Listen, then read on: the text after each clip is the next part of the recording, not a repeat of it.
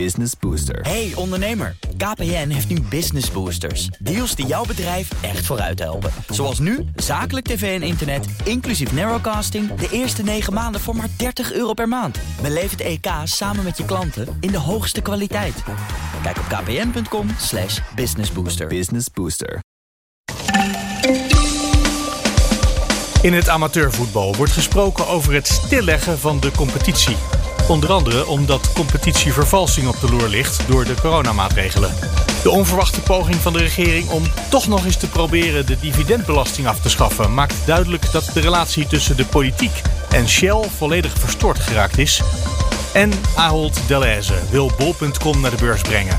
Waarom nu wel eigenlijk? Want een jaar geleden wilden ze dat nog niet. Dit is Nieuwsroom, de dagelijkse podcast van het Financiële Dagblad en BNR Nieuwsradio. Met het nieuws verteld door de journalisten zelf. Ik ben Mark Beekhuis en het is vandaag dinsdag 16 november. Hallo, Diederik de Groot van BNR Nieuwsradio. Hi Mark. Vorige keer spraken we over wat je allemaal meemaakte bij je eigen voetbalclub. En nu gaan we het nog weer wat. En dat was trouwens als voorbeeld van wat er verder allemaal uh, in het voetbal speelt. Ja. Uh, je bent inmiddels uh, chef voetbalcorrespondent bij BNR geworden. inmiddels weten we dat er zelfs wordt overwogen om maar te stoppen met voetbal. Dat wil zeggen het amateurvoetbal. Ja, en niet voor altijd, maar voorlopig. Nee, nee, nee, dat zou ook een goed idee zijn, maar dat is niet aan de orde. Ja, dat vind jij. Ja, nee, gelukkig is dat inderdaad niet aan de orde. Nee, er, er, er wordt inderdaad wel overwogen om de competities uh, stil te leggen. Uh, en voor zover ik dat begrijp, maar dat is niet verder heel transparant, gaat het dan vooral over de competities van de eerste elftallen van de, de hoogste klasse in het amateurvoetbal. En dat heeft er in eerste instantie mee te maken dat daar natuurlijk weinig geld wordt verdiend nu er geen publiek meer mag komen. Ja. Uh, ja, zeker inderdaad in die hogere klassen die ik kan noemen, komt er best wat publiek kijken. Dan heb je het echt wel over honderden tot duizenden mensen die allemaal een kaartje kopen en de kantine leeg drinken en eten als het goed is. Uh, en dat is wel waar clubs natuurlijk naast sponsoring van moeten hebben. Uh, dus dat is opgedroogd. Nou, dat is al eerder gebeurd. Uh, alles bij elkaar is dat gewoon vervelend. Um, dat is een overweging. daar is gisteravond overigens door vergaderd door de KNVB. Daar is nu nog niet iets uitgekomen. Ik begrijp dat daar nu woensdag een beslissing over valt. Uh, en een andere reden die er ook bij komt, is dat er de laatste tijd heel veel wedstrijden ook worden afgelast.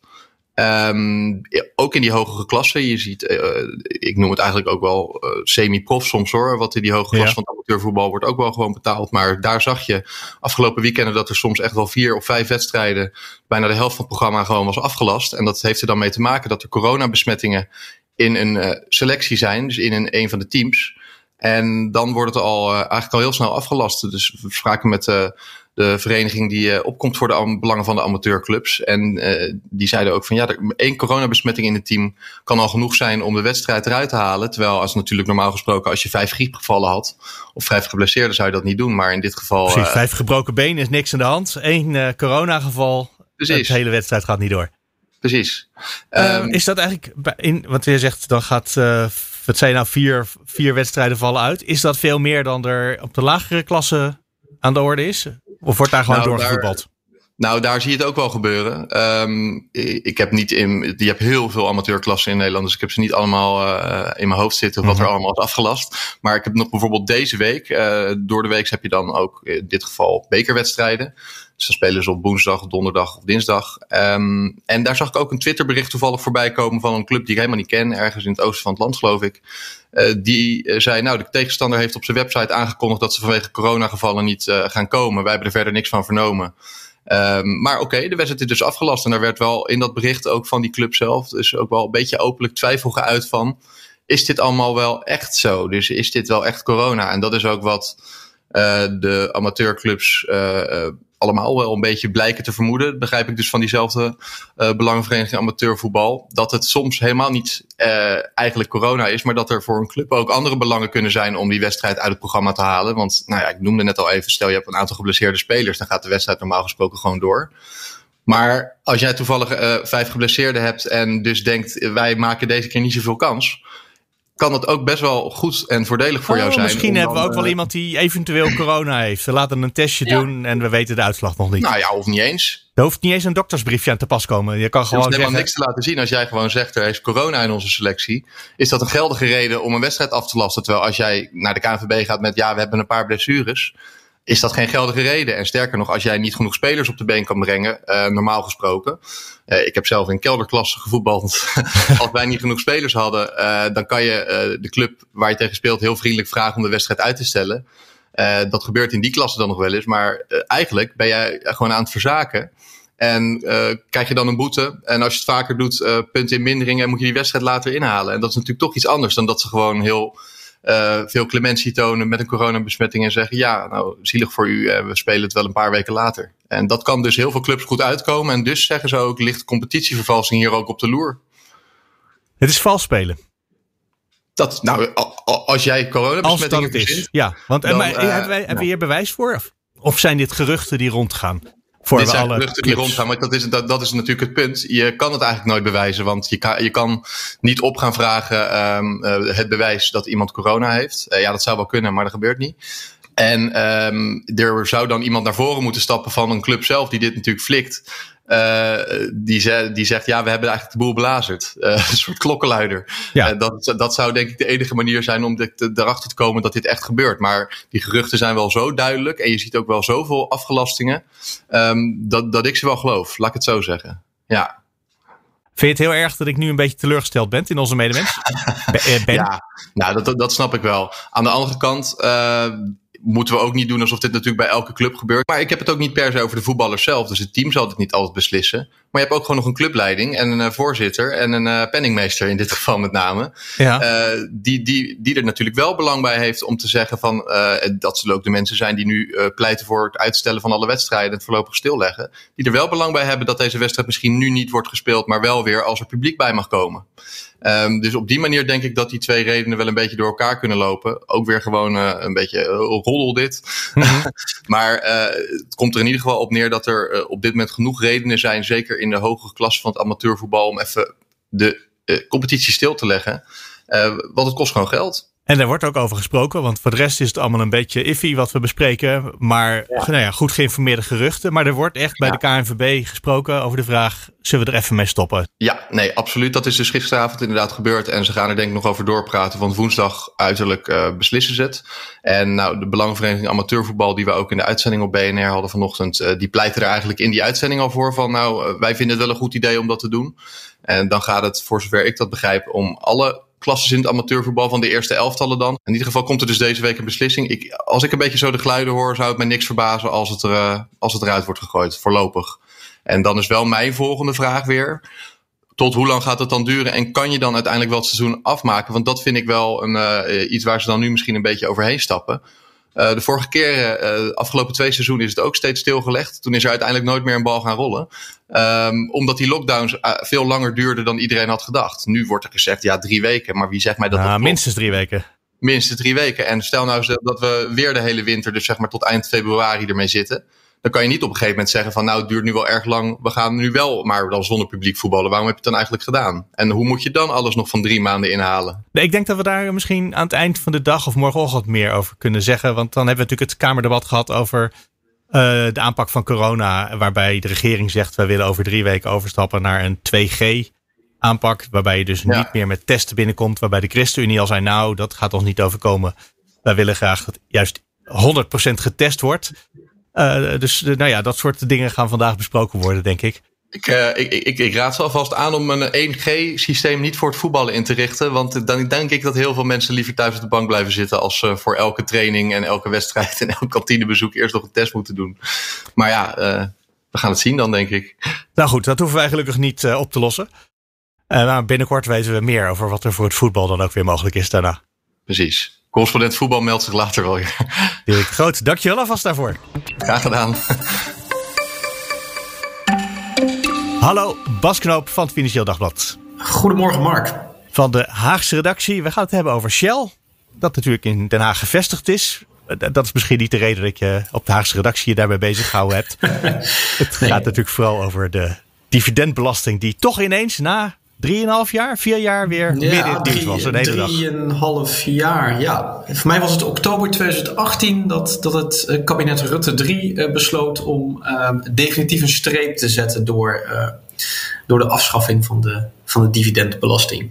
Dit was waar Mark Rutte tot in zijn diepste vezels voelde dat hij afgeschaft moest worden. Want anders zouden die grote bedrijven vertrekken. Ja, en nou ja, uh, ze zijn nu uh, vertrokken. Althans, Unilever is. Zo goed als. Ja. Het, het, hoofdkantoor van Unilever is vertrokken. En Shell heeft het, uh, een plan daartoe. Dat op 10 december wordt besproken in, op de aandeelhoudersvergadering. En als dat gebeurt, als er zoiets aangekondigd wordt, dan raakt de, ineens de politiek toch weer een beetje in de war. En dan gaan ze kijken of er nog wat te redden valt. Nou, althans, een, deel van de politiek raakt in de war. Er zijn ook, ook partijen die, die um, die, die gisteren zeiden van nou, het is eigenlijk wel een, een zegen voor het land dat Shell uh, vertrekt.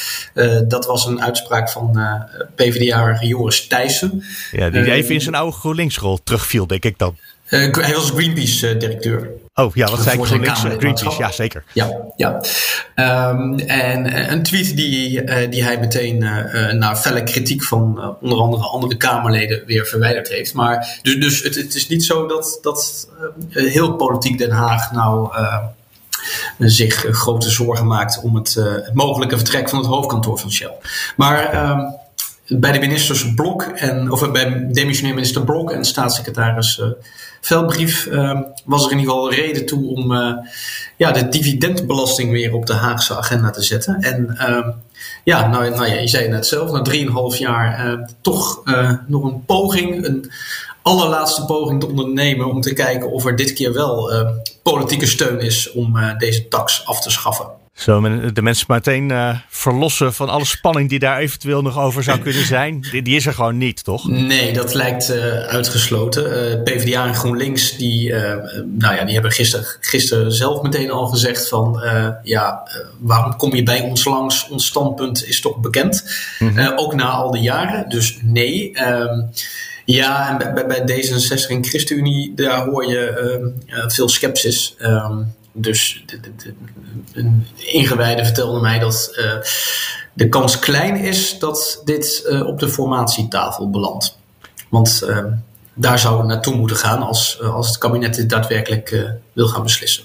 nou ja, de Tweede Kamer zou dit toch gewoon kunnen nemen? Nou ja, vanwege de demissionaire status ligt het dan voor de hand dat, dat het aan de formatietafel wordt besproken. En ehm, kijk, als Shell de, het idee zou misschien zijn geweest dat uh, als Shell de indruk krijgt dat in Den Haag die dividendbelasting er binnen afzienbare tijd alsnog vanaf gaat, dat ze dan die aandeelhoudersvergadering maar even uitstellen en dan besluiten over de verhuizing ook. Ja, het werd al zo stellig uh, meegedeeld dat ik, dat ik die gedachte niet helemaal snapte. Nee, het was vrij opmerkelijk, uh, uh, vrij opmerkelijk initiatief. Uh, gezien de, de politieke verhoudingen die toch niet veranderd zijn in de afgelopen jaren. Ja, was dit nou ja, gedoemd te mislukken, kun je zeggen. Ja, uh, dus jullie schrijven in de krant dat dit een uh, wanhoopspoging van het kabinet was. Ik had eigenlijk even het idee, misschien is dit wel, want de VVD wilde dit altijd eigenlijk als enige echt heel graag. Ja. De VVD zag zijn kans schoon om het toch nog een keer te proberen. Ja, zondagavond werden Blok uh, en ook andere leden van het kabinet, waaronder Rutte, door, door Van Beurden ingelicht dat maandagochtend Shell bekend zou maken uh, zijn hoofdkantoor uh, te willen gaan verplaatsen naar, uh, naar Londen. Um, en ja, ja, Blok um, zei gisteren in een eerste reactie al zich overvallen te voelen door dit besluit. het ten zeerste te betreuren. Ja, je kunt je afvragen of, um, of, dat, of dat helemaal klopt. Dat hij zich overvallen voelt. Mhm. De afgelopen maanden zijn er ook wel intensieve gesprekken gevoerd tussen uh, het kabinet en Shell, ook onder andere over de, de toekomst van het bedrijf in Nederland. Um, en men, mensen die wij gesproken hebben gisteren, die, die geven ook wel aan dat um, nou ja, Shell ook al wel iets langer geleden um, heeft signalen heeft afgegeven dat het deze kant zou opgaan. ben van Beurden heeft in juli vorig jaar ook in het FD aangegeven dat uh, verplaatsing van het hoofdkantoor toch um, tot uh, ja, een van de uh, mogelijkheden behoort, omdat die dividendbelasting ja, gewoon niet wordt afgeschaft. Nou ja, die situatie is in die, in, in die ja, een jaar en een kwart eigenlijk niet veranderd. Ja. Um, dus hoezo zou het kabinet hier nu overvallen door zijn? Misschien door het exacte moment. Mm -hmm. Maar de boodschap zelf kan, kan toch niet als een verrassing komen. Nee, van Van Beurden begreep ik dat ze, er, dat ze denken dat ze er 16 jaar over hebben overlegd. Ja. ja nou, dan zou je nog een keertje beleefdheidshalve kunnen zeggen: zeg, we komen niet meer praten. Misschien is dat al wat er zondag gebeurd is. Het geeft ook wel aan dat er eigenlijk ook geen reden meer is tot zo'n dividendbelasting overhaast af te schaffen. Nee, want, want kijk, kijk uh, waarom zou je dit nu dan nog als, als kabinet gaan, gaan, gaan voorstellen?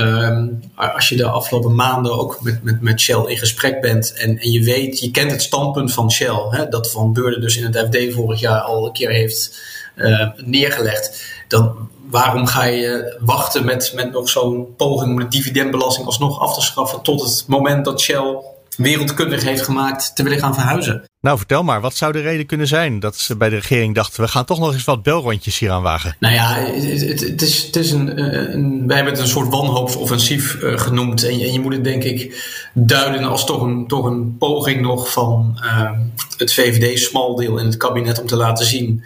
Uh, ja, toch nog op te komen voor de belangen van het, van het bedrijfsleven.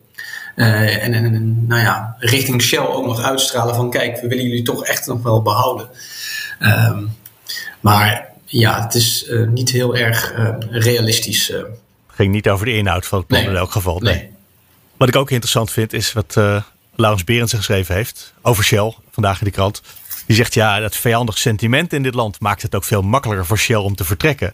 Nou ja, kijk, dat is opmerkelijk wat Van Beurden in een interview met ons zei gisteren. Uh, in het interview. Hij zei van ja, dat negatieve sentiment dat speelt eigenlijk geen rol. Hè, het gaat voornamelijk om die dividendbelasting, uh, waardoor wij een, een, duale aandelenstructuur moeten aanhouden. Um, maar juist die, het niet afschaffen van de dividendbelasting, dat was een soort um, uh, katalysator de afgelopen jaren van die groeiende onvrede in, in politiek en samenleving over, het, het, over de multinationals. En vaak werd dan ook Shell op de korrel uh, uh, genomen. Um, ja, dus, dus door, door die afschaffing van, uh, het plan dat in één keer op tafel lag uh, tijdens uh, de formatie van, van Rutte 3, de afschaffing van de dividendbelasting, stond er geen enkel verkiezingsprogramma. Ja, groeide de, de onvrede in de Kamer van, um, ja, hoe, komt dit nu in één keer in het regeerakkoord. Wat is daar de invloed geweest van Shell, van Unilever? De schijnwerpers werden ook gezet op het, op het belastingmoraal van deze bedrijven. Uh, hun, hun inspanning, om, inspanning om klimaatverandering tegen te gaan, de hoge beloning aan de top. En je merkte eigenlijk dat die dividenddiscussie er mede toe heeft geleid dat, dat ja, politiek en bedrijfsleven de afgelopen jaren verder van elkaar verwijderd zijn. En eigenlijk niet meer met, maar vooral over elkaar spraken. En vooral in uh, vijandige toon. Kijk, Rutte heeft, heeft natuurlijk zelf ook op een gegeven moment een partijcongres in 2019 heeft hij ook gezegd uh, hè, dat het uh, haalde hij ook uit naar de grote bedrijven waar het volgens hem het geld tegen de plinten klotste, terwijl de gewone werknemer uh, de lonen amper ziet stijgen volgens Rutte. Mm-hmm. Kijk, in plaats van die afschaffing van de dividendbelasting werd het bedrijfsleven de afgelopen jaren geconfronteerd met een lastenverzwaring beloofde uh, verlaging van de winstbelasting ging, uh, ging niet, uh, niet door, onder andere. En inmiddels die 2 miljard die de afschaffing van de, bedrijf, van, het, van de dividendbelasting zou kosten. En die terug zou vloeien naar het bedrijfsleven of op, op, via een andere manier. Eerst via verlaging van de winstbelasting, daarna de baangerelateerde investeringskorting. Ja, die is nu grotendeels gebruikt om de lasten te verlagen voor, voor de burger. Was eigenlijk niet bij Shell aan de hand dat hij in Nederland nooit belasting betaalde? Herinner ik me dat goed? Ik kan me herinneren dat er ophef over was, maar ik weet niet meer helemaal zeker of dat uh, ik door een factcheck heen zou komen.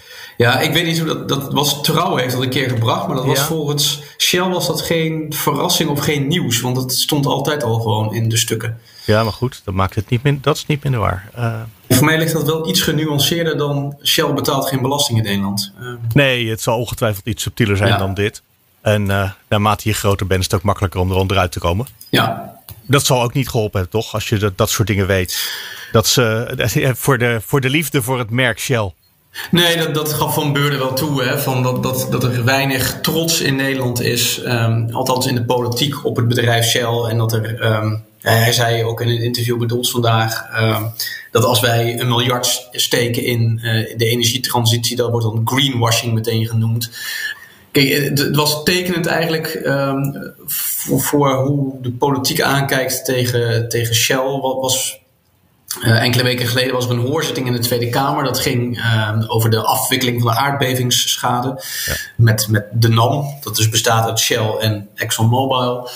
Uh, nou, de, de, de man, uh, de vertegenwoordiger van ExxonMobil die daar aanwezig was in de, in de Tweede Kamer, die kreeg geen enkele vraag. Alle vragen gingen naar Marjan van Loon van, van Shell.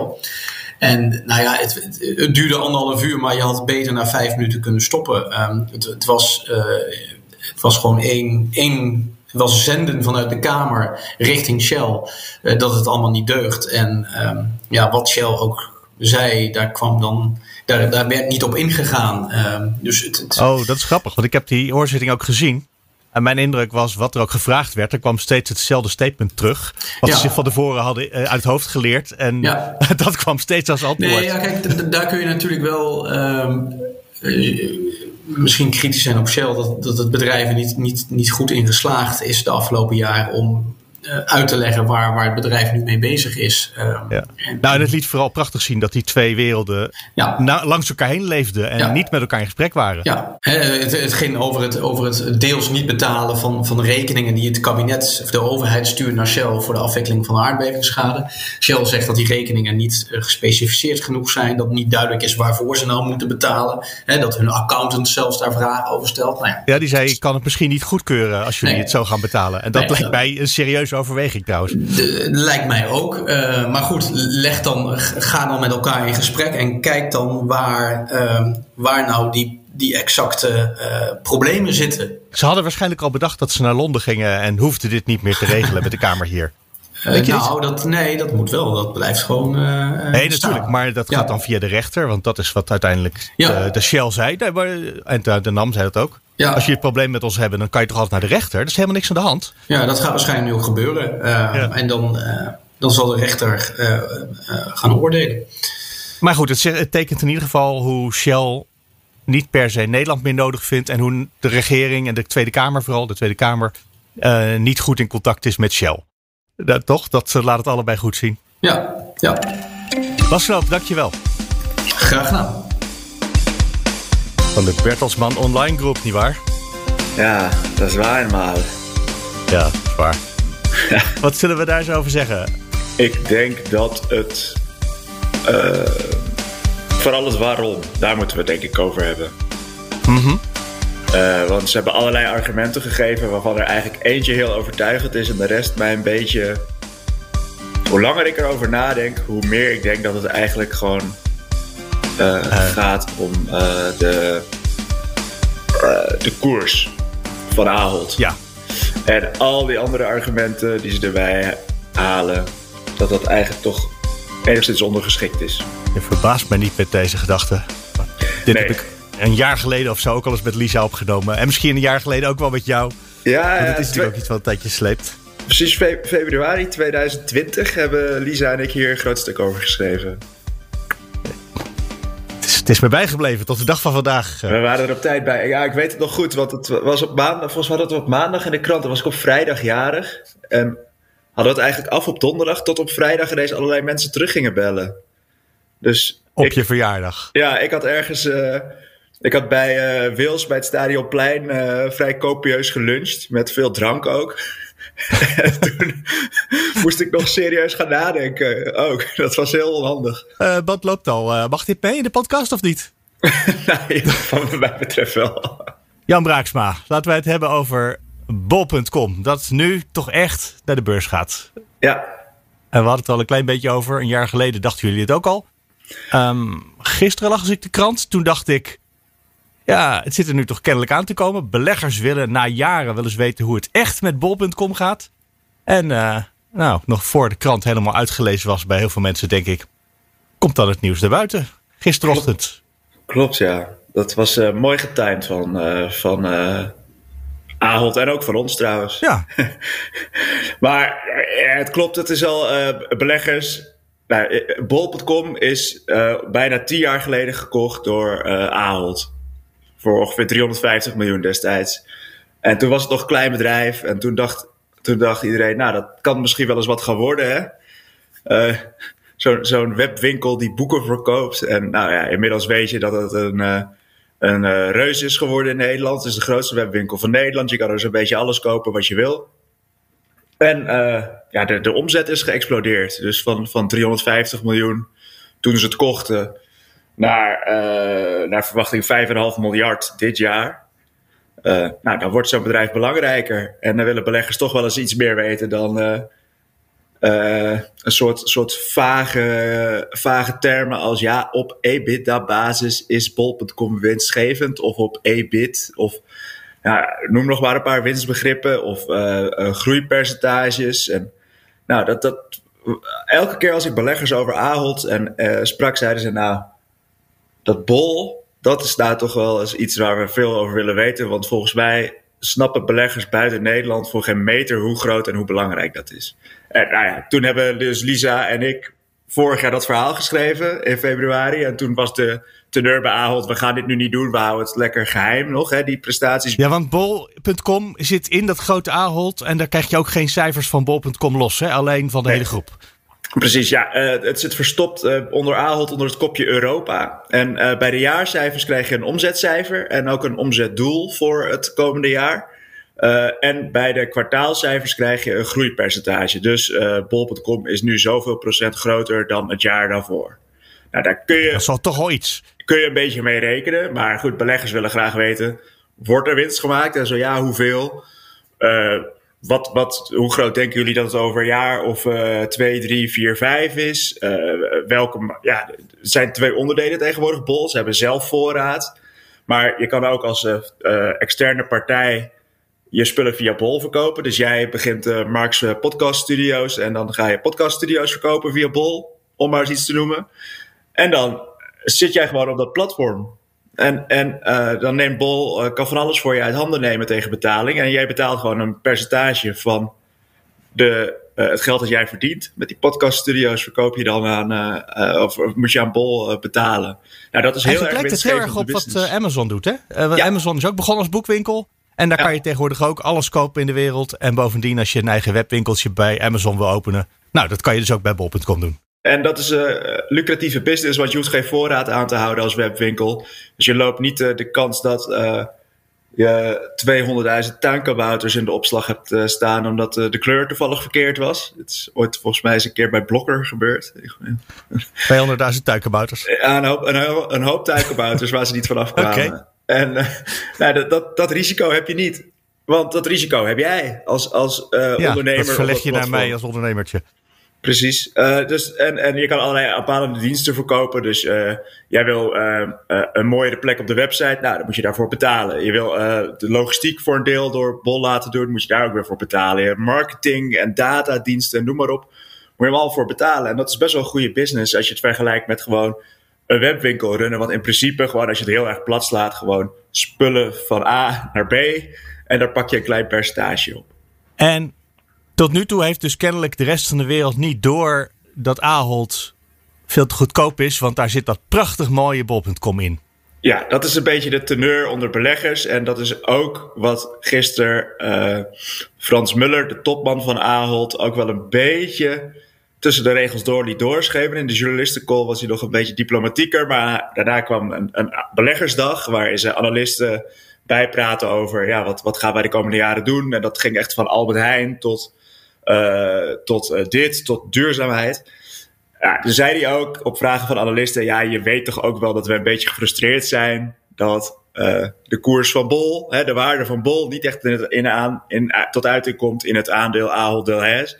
Nou, wat is dan de makkelijkste manier om dat wel tot uiting te laten komen? Een stukje Bol aan de beurs noteren, want dan weet je elke dag wat het waard is. En de buitenwereld dus ook. En we hebben nu een beetje een indruk gekregen al bij de presentatie dat ze naar de beurs willen? Er moet ook nog blijken wat Bol waard is. Hè? Want uh, ze hebben nu gezegd, we gaan het naar de beurs brengen. Dat gaat pas gebeuren na de zomer van 2022. Dus we gaan hier nog heel veel... Uh, Over meer dan een jaar. Pret van hebben, Mark. Ja. Um, maar, maar, ze hebben niet gezegd, we willen er X, Y of Z voor hebben. Of we vinden het bedrijf uh, X, Y of Z waard. Daar, daar zullen wij natuurlijk aan gaan rekenen. Daar zullen analisten aan gaan rekenen. Um, en dan moet je, moet je zien van ja, is, is Bol 5 miljard waard of 3 of 10? En dan kun je daar allerlei sommetjes op loslaten van oké, als dit dus 10 waard is, dan moet de rest vinden we nu al zoveel waard, dus moet de koers X, Y, Z zijn eigenlijk in plaats van waar die nu op staat. Is dit nou eigenlijk de enige reden dat de waarde van bol.com nou eens uh, verzilverd moest worden? Of zijn er nog meer overwegingen? Nou, ik denk dat dit wel de belangrijkste overweging is. Ze zeggen ook van ja, Bol kan met zo'n eigen beursnotering harder groeien. En uh, uh, er komt natuurlijk wat geld vrij, want er worden aandelen verkocht. Nou, dat kan weer ergens in geïnvesteerd worden. Ik heb toch het idee dat het vooral om, die, om, de, om de waarde van, van bol.com gaat. Want Ahold heeft geld genoeg. Dus als die een nieuw distributiecentrum moeten bouwen voor Bol, dan is dat geen enkel probleem. Ze kunnen bijna voor niks lenen. Uh, ze, ja, er komt zoveel kaststromen uit dat supermarktbedrijf waar ze zoveel geld mee verdienen. Daar kun je prima een heel erg goede, snel groeiende webwinkel van financieren, die bovendien zelf ook al winst maakt. Dus de vraag is hoeveel geld ze echt nog daadwerkelijk nodig hebben. Dus ik heb het idee dat het toch vooral om de koers te doen was. En als ik zo uh, gisteren die, die, die vragen van de analisten hoorde, ging het ook toch vooral wel over de koers. En wat dat dan de waarde van Pol.com zou kunnen zijn. Jij zei net al, nou drie of vijf of tien miljard. Uh, dus ik weet niet of dat realistische getallen zijn, maar laten we dat eens even als bandbreedte aannemen. Wat is Ahold als geheel waard? Ik bedoel, is Bol.com iets, uh, is het relevant als je het vergelijkt met uh, het hele Ahold? Ja, ja. Of is het een klein stipje? Het hele Ahold is rond de 30 miljard waard op de beurs. Uh, kijk, er zal nu, het is ook niet zo dat beleggers nu Bol niks waard vinden. Dus een deel nee. daarvan zal al Bol zijn. Maar ja, goed, stel je, je, kan gaan rekenen. Er is een, een uh, Poolse webwinkel Allegro. Die is geloof ik twee keer zijn omzet waard ongeveer. Uh, nou, dan zou Bol ongeveer 11 miljard waard zijn. Ja, dat is wel, dat, dan ben je optimistisch. Uh. Geef ik meteen toe. Maar goed, dat, dat, leer mij die zakenbankiers kennen die zometeen deze beursgang uh, gaan doen. Die gaan allemaal dit soort sommetjes maken en die zetten allemaal hoog in. Dus het zou me echt niet verbazen als je een keer bedragen van nou ja, minimaal één keer de omzet tot misschien wel twee keer de omzet voorbij ziet komen. Dus dat is dan 5,5 miljard tot 10 of zo, ergens in die buurt. Mm-hmm. Ja, het is heel lastig, want het, webwinkels uh, zijn vrij lastig te waarderen. Je moet ze op een bepaalde manier met elkaar gaan vergelijken. De ene is winstgevend, de ander niet. Als je, als je de Hut Group heb je in, uh, in Engeland, dat was lang het lievelingetje van beleggers. Toen ging het er heel een tijdje, hadden ze wat tegenvallers en ging de koers door het putje. Ja, dus, dus het is ook een beetje sentiment, stemming speelt mee. Het is lastig om daar een prijskaartje op te plakken. Maar ik kan wel zeggen van ja, van, de, de kans is best wel aanzienlijk als ze er uh, als Bol zo 5 miljard waard is, dat het goed is voor de koers van Ahold. We hebben nog een jaar ongeveer en je zei al, daar gaan we nog heel veel plezier van hebben. Maar er zijn ook wel eens uh, beursgangen die in de laatste week nog afgeschaft worden, afgeschoten worden. Ja. Uh, hoe, hoe groot is de kans dat deze aankondiging, dat die echt volgend jaar helemaal uitkomt? Nou, dat hangt dus echt van de, van de stemming op de beurs af. Mm-hmm. Als de AX uh, staat nu boven de 800 punten, geloof ik. Als die zo blijft, dan is er best wel een grote kans dat ze doorzetten. Ze kondigen het niet voor niks aan, maar ze kondigen ook niet voor niks aan. Het hangt af van allerlei interne en externe factoren, waaronder de stemming op de beurs. Dus ja, als we dan in een uh, uh, gierende crisis uh, zitten en de, de, inflatie vliegt ons om de oren en niemand weet meer hoe het volgend jaar economisch gaat. Dus we zitten inmiddels ja. in de zevende golf van corona. Ja, het zou zomaar kunnen. Ja, de, ja maar coronagolven zijn dan wel weer goed voor webwinkels. Dus, oh ja, dat is waar. Dus, dus dat, is, dat maakt het lastig. Het is natuurlijk heel ver vooruit kijken. Ik bedoel, als ze na de zomer gaan, dan zal het ergens september, oktober en misschien het begin van november zijn.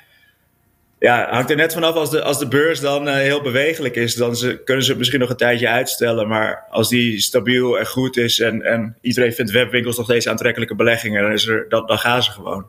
Kijk ondertussen nog even op eh, ft.nl naar de koers van AEX. Die staat inderdaad boven de 800, 823.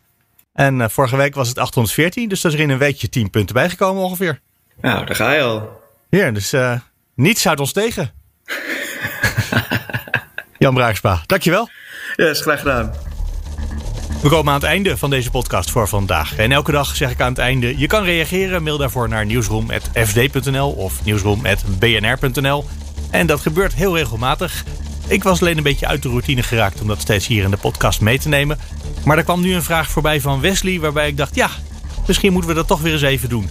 Hij stuurt namelijk twee screenshots van Nieuwsroom in Spotify. Tenminste, staat er niet bij, maar ik denk dat het Spotify is. Met daarbij een vraag over de show notes. Want voor hij de aflevering openklikt, ziet hij altijd twee regels staan. Maar die worden afgebroken met een paar puntjes. En als je daar dan op klikt, dan zie je wel de show notes, maar niet meer die twee regels die eindigden met die puntjes. En Wesley is benieuwd of hij nog iets mist achter die puntjes. Het antwoord op die vraag is um, eerlijk gezegd jawel, maar nou nee, niet echt. Want natuurlijk, die zinnen lopen nog wat door. Dus uh, ja, wat daar staat is wel getypt, maar dat kan je dan niet lezen. Aan de andere kant, het gaat eigenlijk natuurlijk om de podcast. En de enige reden dat ik die tekstjes tik, is omdat er in zo'n podcast-app iets moet staan waardoor je eventueel gaat luisteren. Dus het is eigenlijk meer marketing dan informatie, denk ik. Even goed, als je nieuwsgierig bent naar de volledige tekst van de show notes, dan kan je altijd terecht op bnr.nl/slash nieuwsroom. Want in elk geval onze eigen website geeft de volledige tekst weer. En dit is ook een beetje een probleem van podcasts. Wij schrijven altijd een inleidingje, dus zo'n vette alinea en daaronder de gewone tekst. En sommige apps die pakken alleen de inleiding, sommige apps pakken alleen de rest van de show notes. En er zijn ook apps die ze allebei geven. Het is maar net wat de smaak van de programmeur is. En daar zijn geloof ik geen regels voor. Dus als je het echt helemaal volledig wil weten, ga naar bnr.nl slash nieuwsroom. Wil je ook reageren? Mail dan naar nieuwsroom.bnr.nl of nieuwsroom.fd.nl. Tot morgen.